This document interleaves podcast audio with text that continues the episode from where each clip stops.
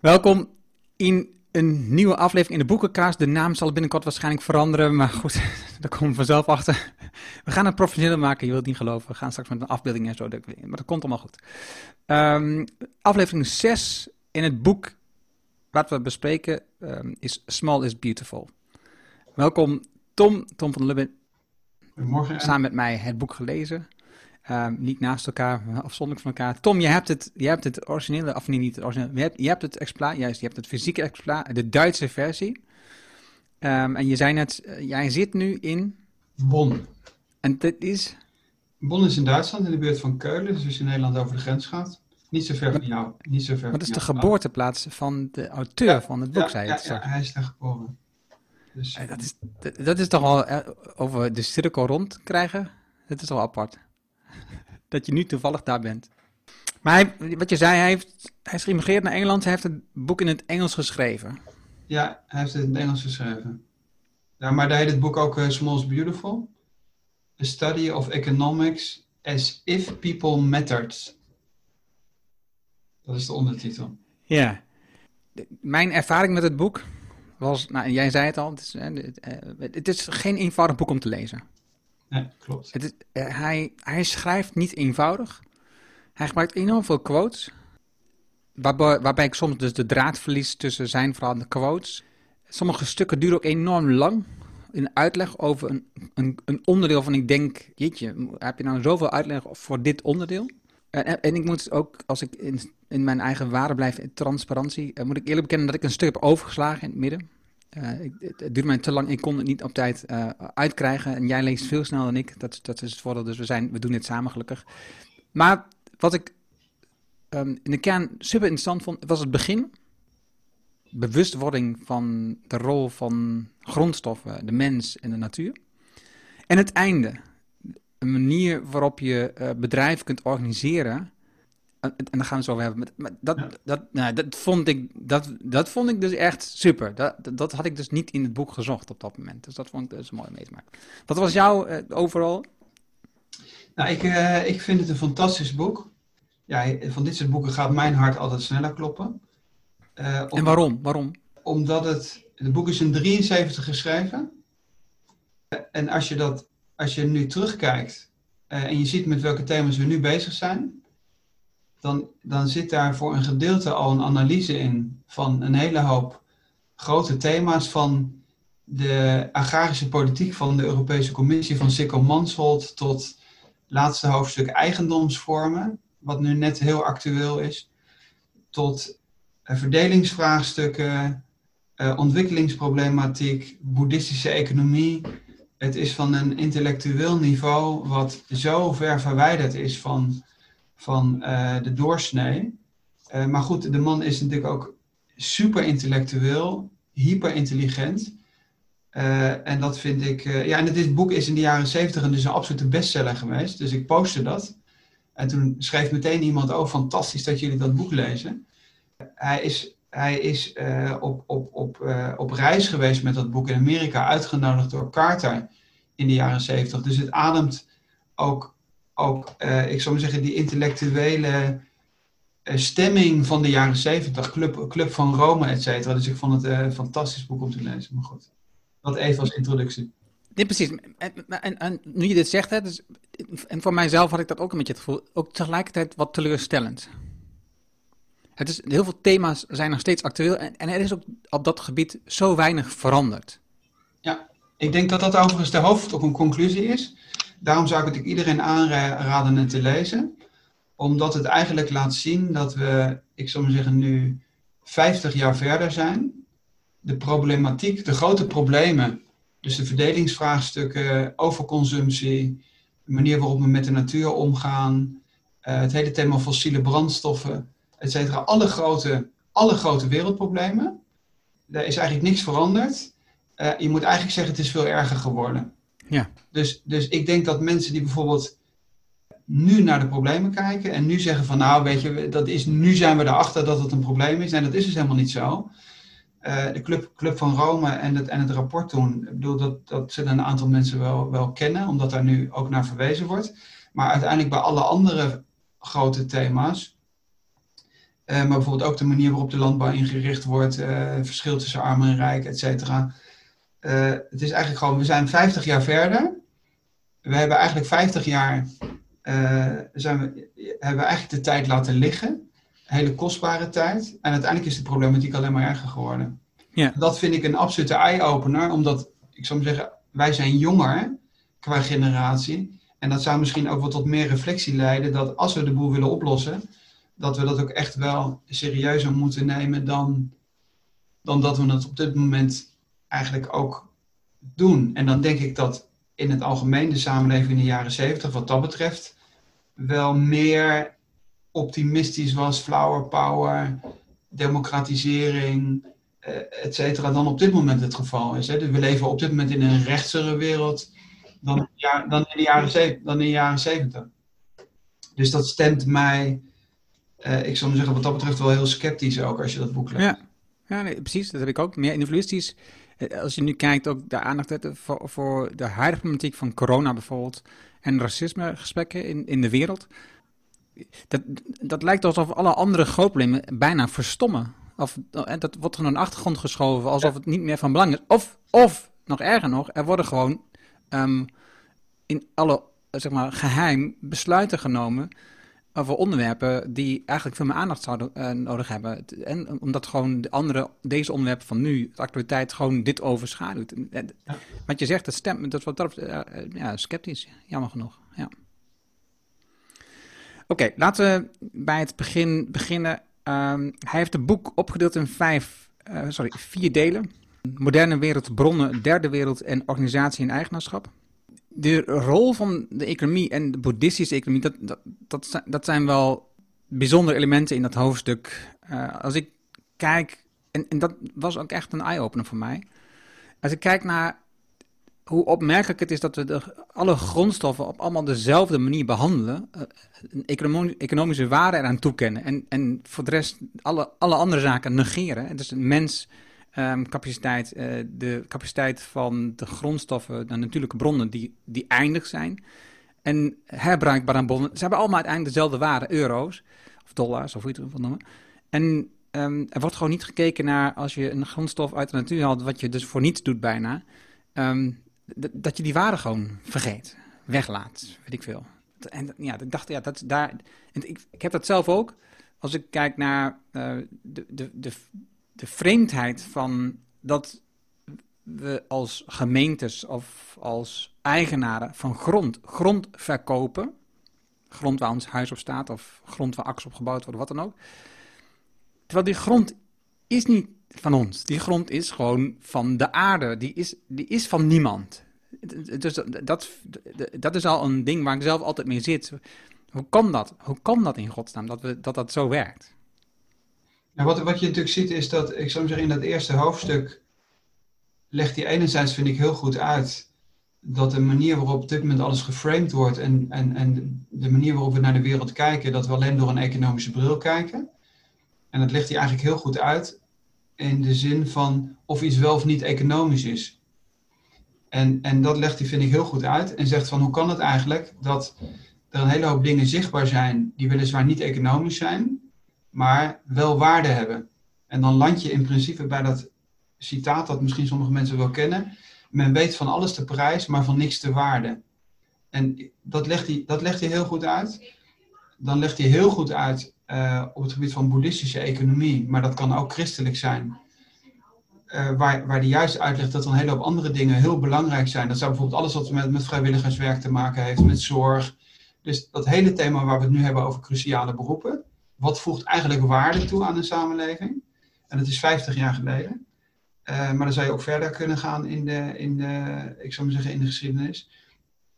En dat is wel van een, ook, ook taalkundig van, van zo'n precisie, uh, dat je echt wel heel veel van die zinnen eigenlijk in een lijstje of op een tegeltje uh, zou kunnen ophangen. Dat is wel heel, heel, heel, heel, heel erg scherp ook, ook geformuleerd. En in die boeddhistische economie, dus dat is bijvoorbeeld als je met Kees Klomp bijvoorbeeld zou, zou praten, die het heel vaak over boeddhistische economie heeft, dat is, als dat iets is wat, waar je niet vertrouwd mee bent, ook wel heel erg interessant. Omdat, hmm. omdat ons perspectief, je merkt als je dat leest, dat het dagelijkse perspectief waar we in zitten een heel ander perspectief is. Dus hij noemt allerlei voorbeelden waar hij zegt van, vanuit bijvoorbeeld de boeddhistische economie, zou men dat nooit zo doen. Dus bijvoorbeeld het, het ontmenselijken van productieprocessen. Nou, dat is fantastisch uitgelegd, moet ik zeggen. Uh, en en gaat, is ook echt wel drie stappen verder dan, ik zou maar zeggen, te praten over zelforganisatie. En uh, dat dan mensen meer commitment hebben of intrinsieke motivatie. Dat is, is wel intellectueel een ander niveau, zou ik maar zeggen. ik herinner me ook die regel waarin um, hij zegt dat, dat uh, de boeddhisten zouden het heel vreemd vinden dat wij producten um, van een hogere waarde um, inschatten dan mensen. En dit, is, ja, dan denk ik, ja, dit is toch, het is logisch, weet je. Het is gewoon, het is gewoon logisch, maar ondertussen is het niet meer de werkelijkheid. Ondertussen is het gewoon de werkelijkheid dat wij gewoon in een economische zin producten hoger in kunnen schatten als menscapaciteit. Ja, en hij gaat, ik zou maar zeggen, voor de discipline van de economie vind ik zelfs nog een stap verder. Er staat op een gegeven moment in het boek. Hij zegt, economie wordt enerzijds gezien als, als een wetenschap die de maatschappij, ik zou maar zeggen, steeds beter maakt. Zo is dat boek opgebouwd. En dan zegt hij op een gegeven moment, omdat hij het dan allemaal uitlegt, de, zou het niet zo zijn, of tenminste hij, hij geeft het antwoord in principe ook, maar hij zegt, de economie is als wetenschap eigenlijk op een punt waar die eerder belemmert in het oplossen van de problemen, dan dat, ze het, dan dat ze de problemen oplossen. En dat zie je natuurlijk op dit moment, als je alles uitdrukt in bijvoorbeeld economische groei, dan los je bijvoorbeeld afval niet op, et cetera. Al die systemen zijn, die baseren op economische groei. Dus hij komt in principe in dat eerste hoofdstuk, komt hij tot de conclusie dat de economie eigenlijk qua effect meer contraproductief is dan dat het ondersteunend is. En dat vind ik voor ik zou maar zeggen, in de huidige tijd, waar eigenlijk alles draait om de economie. En hij is een zoon van de, van de hoogleraar economie. En hij heeft voor Keynes uh, gewerkt en ook economie gestudeerd. Het, weet je, het, is niet, het is niet zo dat je zegt, ja, die, die komt uit een hele andere discipline en heeft geen affiniteit met de economie en roept van de zijlijn wat. Nee, dat is wel van binnenuit ook van die discipline gedacht. Dat vond ik wel heel, heel, heel erg sterk. Ja, het is, het is opmerkelijk uh, dat het, um, het ja, ik zou, ik zou nu zeggen, weet je, ik ben natuurlijk begonnen met uh, dat het een, een, een, boek is wat je niet eenvoudig leest. Het is niet, het is niet even avondlectuur wat je zomaar wegleest. Het is, je, moet, je, moet, je moet het goed lezen, je moet bewust lezen, je moet er echt bij zijn. En dan nog um, wil ik nu alvast zeggen dat het, dat het een heel waardevol boek is om te lezen. En dat zei je net ook al. Als, als, als, je, als je meer wilt nadenken over uh, de toekomst van, van onszelf, van de wereld. En, en daarmee dus ook de toekomst van je bedrijf. Uh, dat, het, dat het goed is om over dit soort onderwerpen na te denken. En, want, want wij worden zelf als ondernemer natuurlijk ook enorm geduwd in het economisch denken van ons bedrijf. De, als, je, als je met mensen om je heen praat, dan eh, gaat het heel vaak over de omzet en de winst. En, als je praat met banken, je, moet, je hebt geld nodig om dingen te vinden, eh, dan gaat het ook altijd over diezelfde cijfers. Het gaat nooit over die andere aspecten. dat, vinden ze grappig, leuk, dat dat in je rapport staat. Maar uiteindelijk gaat het daar niet om. Het gaat altijd maar over hetzelfde. Wat is op dit moment je winst? Wat zijn je verwachtingen van de winst voor de komende tijd? kun je wat van ons leent terugbetalen, ja of nee? Het zijn allemaal dezelfde economische dingen waar het over gaat. Het is hetzelfde nu de discussie die je ziet in um, Amerika, uh, we denken na om de scholen te openen. Terwijl ze hebben daar gezien dat dus um, de corona uh, verder uitbreekt als, als um, via leerlingen. En wat er gezegd, ja, we hoeven niet te kijken, niet, niet alleen te leunen op, op uh, onderzoek om te bepalen of onze scholen openen. waar dan wel op? de economie dus. Want als we dat niet doen, dan gaat de economie te grond. En hetzelfde, hè, dus je ziet die anti- maskers, anti-lockdown ehm, demonstraties. Het gaat maar over één ding is, we moeten gewoon weer verder, het bedrijf moeten draaien, we moeten gewoon door, want anders dan gaat alles kapot. Ja, misschien is het ook andersom. Wat ik, uh, ik zit nog even hier te kijken, want ik heb natuurlijk ook een paar dingen opgeschreven. Wat ik uh, interessant vind, is om aan te sluiten wat ik net zei. Het tweede hoofdstuk gaat over activa, hè, dus activa van de balans. Dan zegt hij uiteindelijk komt hij via, via ik zal maar zeggen, ja, bildung is de grootste waarde. Hè, dus opleiding of kennis. Uh, daar maakt hij dan ook even snel een uitstapje en zegt van hij verklaart ook meteen even het Wirtschaftswunder en, de, en, de, en, de, en het grote succes van Japan uh, en Duitsland na de Tweede Wereldoorlog. Omdat hij zegt van ja, dat zijn structuren geweest met, met of veel structuur en veel bildung. En dat is het allerbelangrijkste. Dus, en dat zijn landen die geen grondstoffen hebben. Dat uh, vond ik interessant. Maar wat ik zo interessant vind, is dat hij elke keer nog verder gaat. Dus hij, hij heeft daar bijvoorbeeld in, in het tweede gedeelte zit een hoofdstuk over, onder andere over ethiek. En wat er dan weer gebeurt is, hij draait het om. Dus hij zegt, we zijn in een situatie beland waar het, slecht, het slechtste in de ethiek goed is. En het goede is slecht. En wat, wat, wat, wat, wat wordt daarmee bedoeld? Hij zegt het slechte bijvoorbeeld gier en egoïsme is de maxime geworden. Uh, en, en het goede in de ethiek is slecht geworden in de e is economie. Dus bijvoorbeeld, ik zou maar zeggen, de deugden of de liefde, de naaste liefde of dingen doen, uh, et cetera. En dat zie je bijvoorbeeld ook bij de hele discussie over cruciale beroepen of vrijwilligerswerk. Vrijwilligerswerk heeft in de leer van de economie geen waarde. Want er wordt geen, er wordt geen prijs voor betaald. Nou, sterker nog, hij heeft in, in mijn optiek een negatief impact. Want die mensen zijn op dit niet inzetbaar in de economie, want ze doen vrijwilligerswerk. Ja, het wordt ook niet gemeten, dus et cetera, et cetera. Dus uiteindelijk, en dat vind ik zo interessant, dus dat je nog verder gaat en zegt, eigenlijk is het een soort perversie. Dat, dat, maar dat heb je bij shareholder value kapitalisme bij die discussie ook. Dus eigenlijk is shareholder value kapitalisme egoïsme. Want het gaat om een belang van één groep ten laste van alle andere spelers. Multi-stakeholder heet dat dan. Maar eigenlijk is het gewoon egoïsme. En hij zegt, we hebben een discipline en de hele maatschappij bouwt daarop. En ook het aanzien, zegt hij op een gegeven moment ook ergens, hij zegt, het aanzien correleert omgekeerd evenredig met of het een waarde toevoegt. Nou, dat is dus een manager. Dus, dus hoe dichter iemand nog ergens op zit en zelf iets uh, produceert, en ook bijvoorbeeld daar de emotionele bevrediging vandaan komt. En men weet dat als, als je iets met je handen maakt, of zelf kookt, of zelf uh, in de tuin bezig bent, et cetera, dat het veel, tot veel meer geluk leidt. En als je natuurlijk het, het hele productieproces uit elkaar haalt met het terrorisme en dan nog x-managementlagen ertussen zet, van mensen die eigenlijk alleen nog maar via x-niveaus andere mensen vertellen wat ze moeten doen, daar zegt hij van ja, maar het status in onze maatschappij is correleert omgekeerd evenredig met hoeveel mensen verwijderd zijn van het toevoegen van waarde. Nou, dat is, dat is uh, we weten het dat het zo is. En het is iets wat we veel, waar we het veel over hebben, als het over zelforganisatie gaat en dicht daarbij. Ook, ook, ook weer bij het, het produceren, et cetera, komen. Je ziet hè, kleinschaligheid, hè, het boek Small is Beautiful.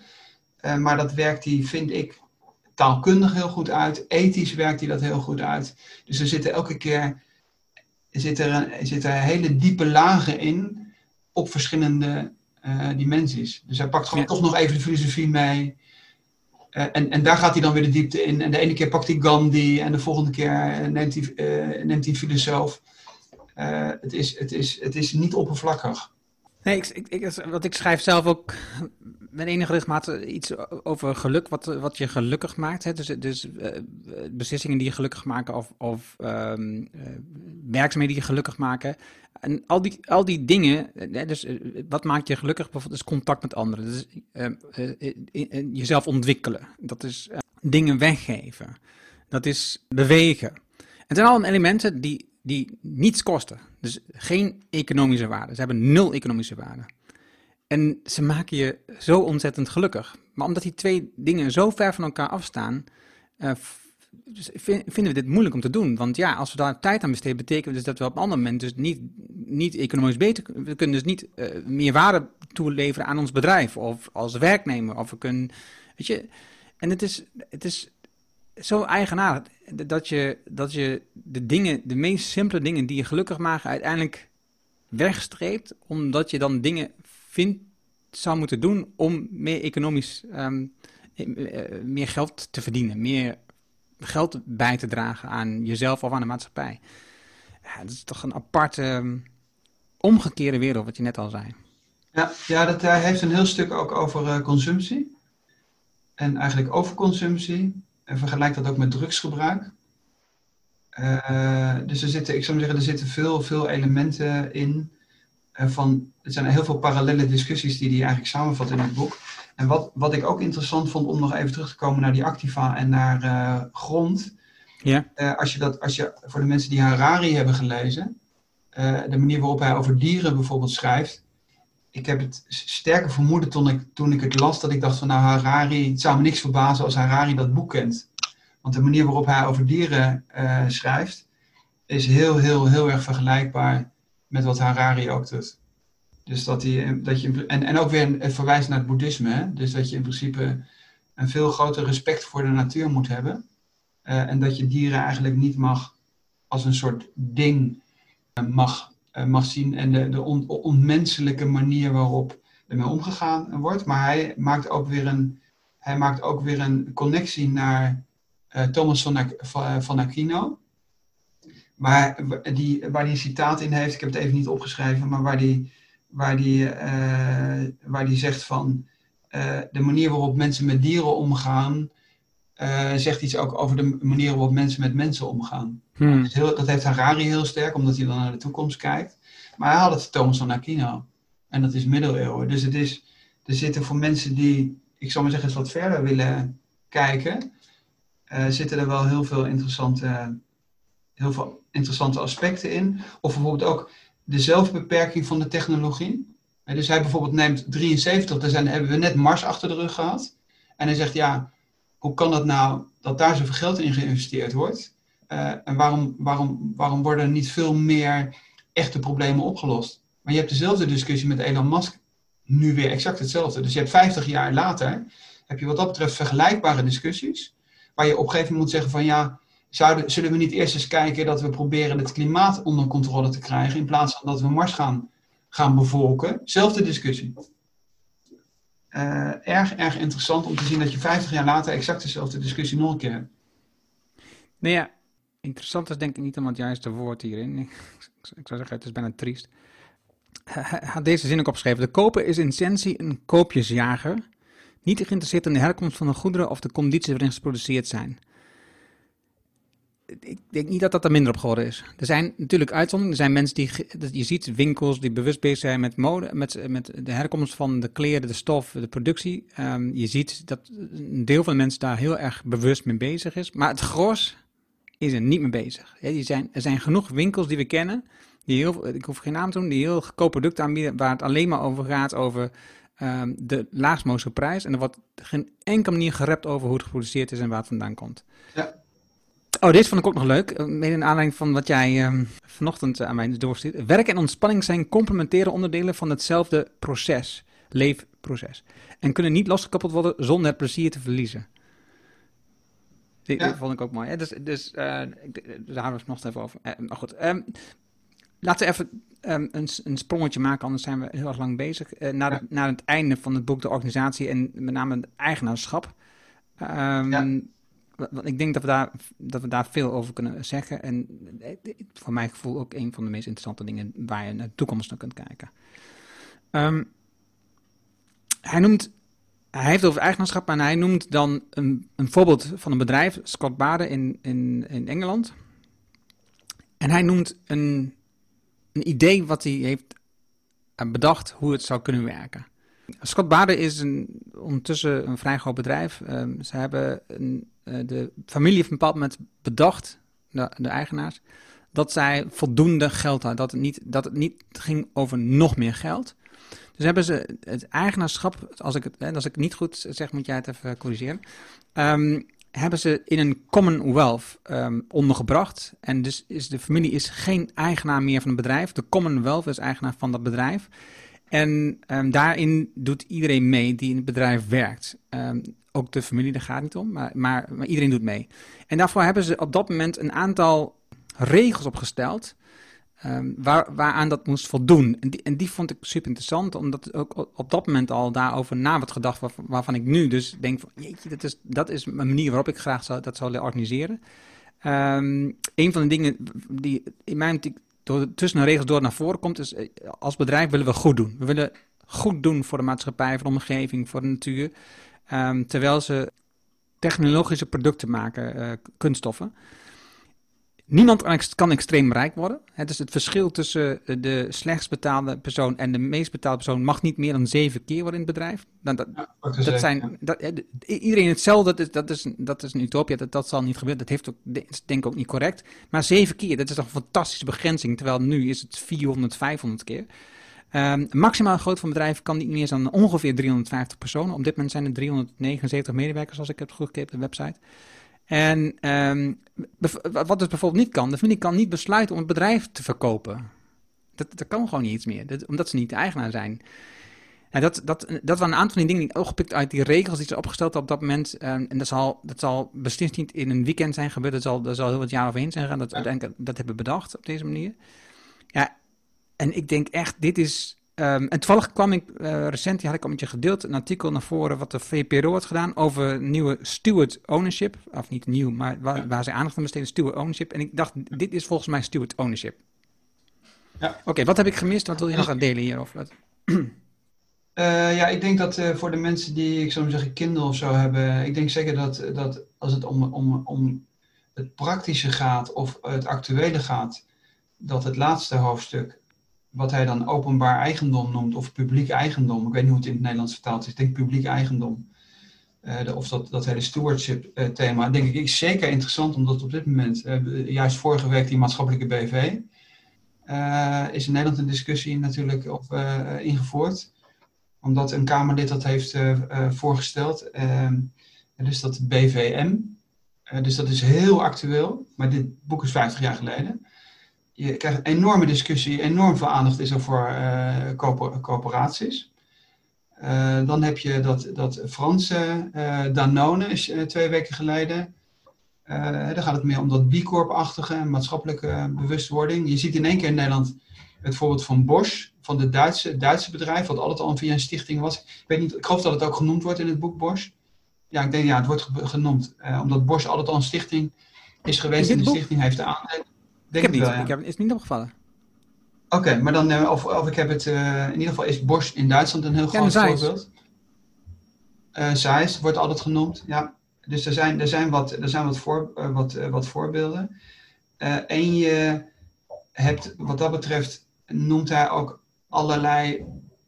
Dus er soms het eigendomsthema. En het hoofdstuk daarvoor staan allerlei principes over organisatie. Dus iedereen die tegenwoordig het over zelforganisatie gaat, hè, het hele begrip van subsidiariteit, eh et cetera, wordt daar uitgelegd. En, en identiteit. Eh, dus ik denk zeker die laatste twee hoofdstukken zijn voor, eh, voor het actuele debat eh, erg interessant. En je merkt op het moment waarop het geschreven werd, dat er, dat er weinig op dat moment was, behalve de oude coöperatie. Dus wat dat betreft vind ik, vond ik dat ook wel erg interessant om dat nog een keer te lezen. En ja, twee dingen in aanvulling. Want even dan, ik, ik beschreef net het Scott Bader verhaal. Dat is een, een, een, echt voorbeeld. Het is een bedrijf eh, Ja. wat, wat dat- dat- toen het- hij erover schreef, was het al geïmplementeerd. Dus liep dat allemaal al.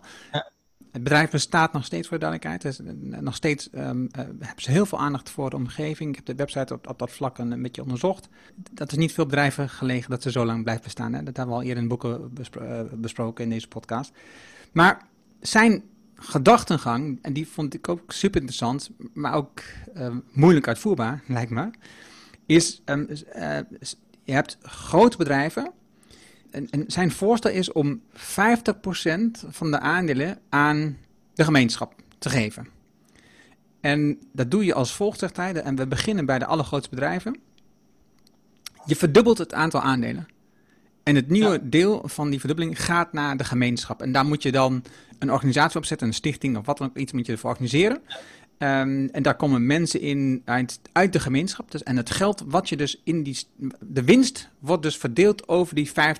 Dus 5% blijft bij de eigenaar van het bedrijf, of het aandeelhouder, hoe het noemt. En 50% gaat naar dus de gemeenschap. Da- Daarmee verwijder je alle andere belastingen. Dus dit is eh, de belasting puur uit de winst van het bedrijf. En je hebt dus mensen in die, in die bestuursfunctie van, van die gemeenschap uit alle lagen van de bevolking. Het zijn dus geen overheid die daarin zit. Het, zijn alle mensen uit de laag van de bevolking. En, en, ook, hij heeft ook nagedacht over de circulatie van die mensen. Dat ze niet te lang blijven zitten. Dat er telkens vernieuwing optreedt. En ja, het, het lijkt mij heel ingewikkeld om in te voeren. Maar tegelijkertijd, als je een bedrijf zo groot is, en want daar refereert hij ook in, in dit stuk aan, Ehm, als bedrijf maak je heel veel gebruik van de middelen die de overheid ons ten beschikking stelt, waar we voor betaald hebben via belasting uiteraard. Maar dat, maar dat wordt niet verwerkt als grondstof uh, en ook niet genoemd als grondstof in het bedrijf. Het is, het is geen kostenpost meer, dus het wordt totaal niet genoemd. Bijvoorbeeld dat je als Amazon, even als voorbeeld nemen, um, zij vervoeren pakketjes um, over de weg in Nederland. Dus die weg die betaald wordt door de burgers in Nederland, Amazon betaalt daar dus nul voor. Um, ze maken gebruik van het postsysteem dat ooit is opgericht vanuit uh, de overheid. Daar betalen ze nul voor. Allemaal dat soort voorbeelden. Hè. Dus er zijn een heleboel dingen waar ze gebruik van maken die opgericht zijn vanuit belastingen. En wat ze dus nu zelf belachelijk vinden, dat, dat ze daar belasting betalen. Want ze gebruiken alle regels om de belasting te ontduiken en te omzeilen, uh, legaal en illegaal. En dit zou dat oplossen, dit idee. Nou ja, het lijkt mij super moeilijk om dat te organiseren, om bedrijven zeg maar, te overtuigen dat je dit moet doen. Dat je 50% van je bedrijf afstaat aan, aan de gemeenschap. Um, want ik dacht bijvoorbeeld ook naar wat, wat, als, wat als een bedrijf verlies maakt. Hè? Hoe gaat het dan? Uh, pompen, pompt dan de overheid of dat deel ook geld in de organisatie? Dat, dat, dat zijn dingen die ik niet zo goed nog begreep. Um, maar het idee, het proces en erover nadenken op een manier, dat vond ik dus verhelderend. Het is dus, dus dat je zo'n model neerlegt en dat ik daarover, daardoor ga nadenken over hoe zou je dit kunnen organiseren? Hoe zou je dit moeten doen? Hoe zou je dit kunnen oppakken? Dat vond ik dus super interessant. Ja, wat je natuurlijk hebt is dat, omdat die discussie op dit moment in alle eigenlijk Europese landen gevoerd wordt, uh, is, het, is het een interessant hoofdstuk. Uh, maar er zijn natuurlijk ook gewoon voldoende voorbeelden. Hè? Dus als je, ik zou zeggen, hij, hij, heeft een hele abstracte manier van denken. En wil eigenlijk altijd voor de hele wereld in één keer in een model alles oplossen. Dat doet hij ook even voor de hele derde wereld waar hij dan, waar die dan uh, even uitrekent wat je per Afrikaan nodig zou hebben. Uh, dat is zijn manier van, van denken. Maar als je bijvoorbeeld gewoon kijkt in Nederland naar de coöperatieve traditie. Dus neem de woningbouwcorporaties. Uh, neem de Rabobank vroeger. Neem de grote zuivelbedrijven. neem verzekeringen, hè, onderlinge. Daar, zag je, daar zie je dat bijvoorbeeld soms in de naam nog aan. Het is niet zo dat een andere vorm van eigendom, dat die niet heeft bestaan. En dus op dit moment denken wij van, nou ja, daar is, je hebt of een MKB-ondernemer die is zelf eigenaar, of je hebt je een bedrijf aan de beurs, of je hebt private equity. En dat is, zijn zo ongeveer de eigendomsvorm. Maar dat is natuurlijk helemaal niet zo. De Rabobank is immens lang gewoon een coöperatie geweest. De, de is ook een heel groot voorbeeld. En dat zijn enorm grote sectoren. En het is niet zo dat dat slecht gefunctioneerd heeft. De Rabobank is als enige door de financiële crisis gekomen. De ABN AMRO en de ING en de SNS, die hebben we moeten redden. Dus het is dat idee van, als ik maar, als ik maar shareholder value driven ben, dan functioneert het. En als iets een coöperatie is, dan functioneert het niet. Nou, dat klopt. Dat weet, eigenlijk weten we allemaal dat dat, dat, dat niet zo is. En er zijn voldoende mogelijkheden. En dan kun je natuurlijk in, op dat hele gebied van gemeenschappelijk eigendom, heb je allerlei varianten. Je hebt in, in, in, in, uh, in Baskeland heb je dat, uh, Mondragon heet het geloof ik. Dus die, een pater die dat ooit heeft opgericht, een heel groot conglomeraat geworden. Je hebt allerlei, je hebt allerlei vormen. Je hebt allerlei smaken. En of je dan zoveel aandelen uitgeeft of borst wat in een stichting zit, er zijn zoveel varianten. Maar ik denk dat het gewoon interessant is er eens over na te denken. Hoe krijg je, ik zou maar zeggen, alle belangen van alle stakeholders, afhankelijk van het thema wat het is, zouden er ook niet andere vormen zijn die voor bepaalde dingen gewoon geschikter zijn? En dat heb je bij de collectieve, collectieve producten of collectieve goederen. Openbaar vervoer als, als voorbeeld. Als ik, als, ik, als ik bussen of treinen ga, ga privatiseren, dan worden lijnen waar weinig mensen in zitten, die worden automatisch geschrapt, want het is niet rendabel. En, dan, en op een gegeven moment rijdt helemaal geen bus meer.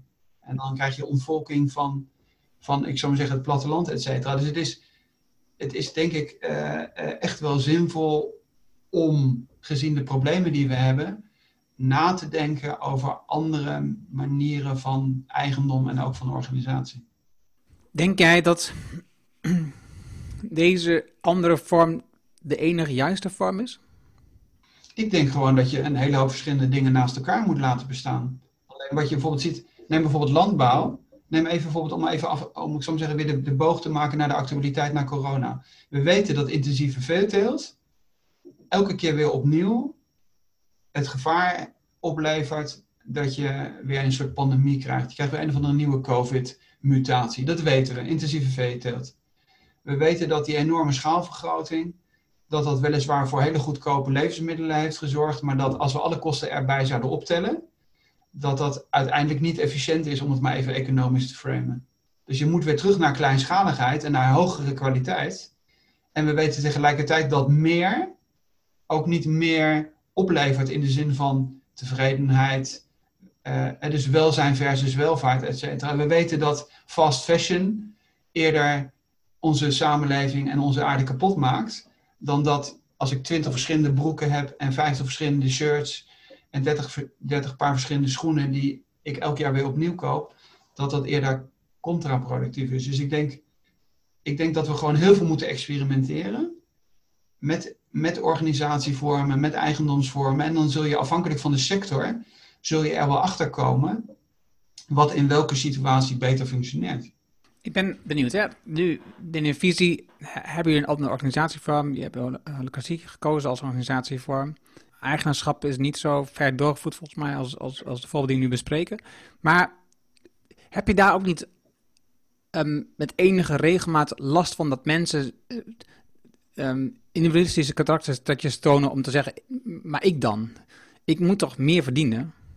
Nee, heb je niet. Maar dat, heeft, dat is, uh, die, ik zou zeggen, wij zijn maar gewoon één voorbeeld. Je zult bij buurtzorg dat ook niet hebben. Omdat, omdat uiteindelijk de motivatie waarom, en dat legt hij overigens in een bepaald hoofdstuk, legt hij dat ook heel goed uit. Uit, uiteindelijk, en dan ben je bij Daniel Pink, autonomy, master, mastery and a sense of purpose. Het is helemaal niet zo dat de mensen uiteindelijk egoïsten zijn. Dat is helemaal niet zo. Nee, we zijn niet egoïsten, maar we worden wel gedreven door eh, wat er om ons heen gebeurt. dus als je buurman een nieuwe auto koopt, dan ontstaat bij jou ook een gevoel: ah, ik moet binnenkort een nieuwe auto kopen. Uh, ze gaan in de buurt twee keer op vakantie in plaats van één keer. Dan denk je: ah, shit, ik ga maar één keer op vakantie, dat is toch weinig. Dus dat is een, dat is, dat is een gedrag waar je heel moeilijk uh, onderuit kunt. Ja, het is, dat is natuurlijk weet je, waarschijnlijk weer een thema voor een volgende, of voor een ander boek of voor een volgende podcast. Ik denk uiteindelijk, en dan ben je in principe bij ook bij, bij of het nou Brechtman is met alle mensen deugen, of je ziet het ook nu weer bij de crisis, uh, dat het maakt eigenlijk niet uit wat je noemt. 90% van de Nederlanders, ik, zat, vanmorgen FD te lezen, welke bedrijven hoeveel miljoen hebben gekregen. 90% van de Nederlanders zal het onfatsoenlijk vinden dat Booking heel veel ondersteuning heeft gekregen. 90, 90 tot 95 procent van de ondernemers zal, zeggen een factor 7 tussen het laagste en het hoogste salaris in een bedrijf zou heel, zou heel zinvol zijn. Dus de hele, de hele grote meerderheid, de wisdom of the crowd, die, die zit er helemaal niet zo ver vanaf.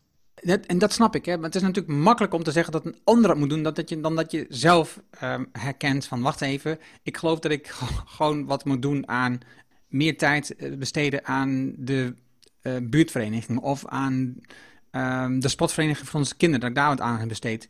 Het is dus zeggen dat een ander een bedrijf. Maar, er wordt, maar er wordt heel veel gedaan. Dus als je bijvoorbeeld kijkt naar het aantal uren vrijwilligerswerk, dat is immens. Dus de, de, mensen, de mensen doen in principe heel veel.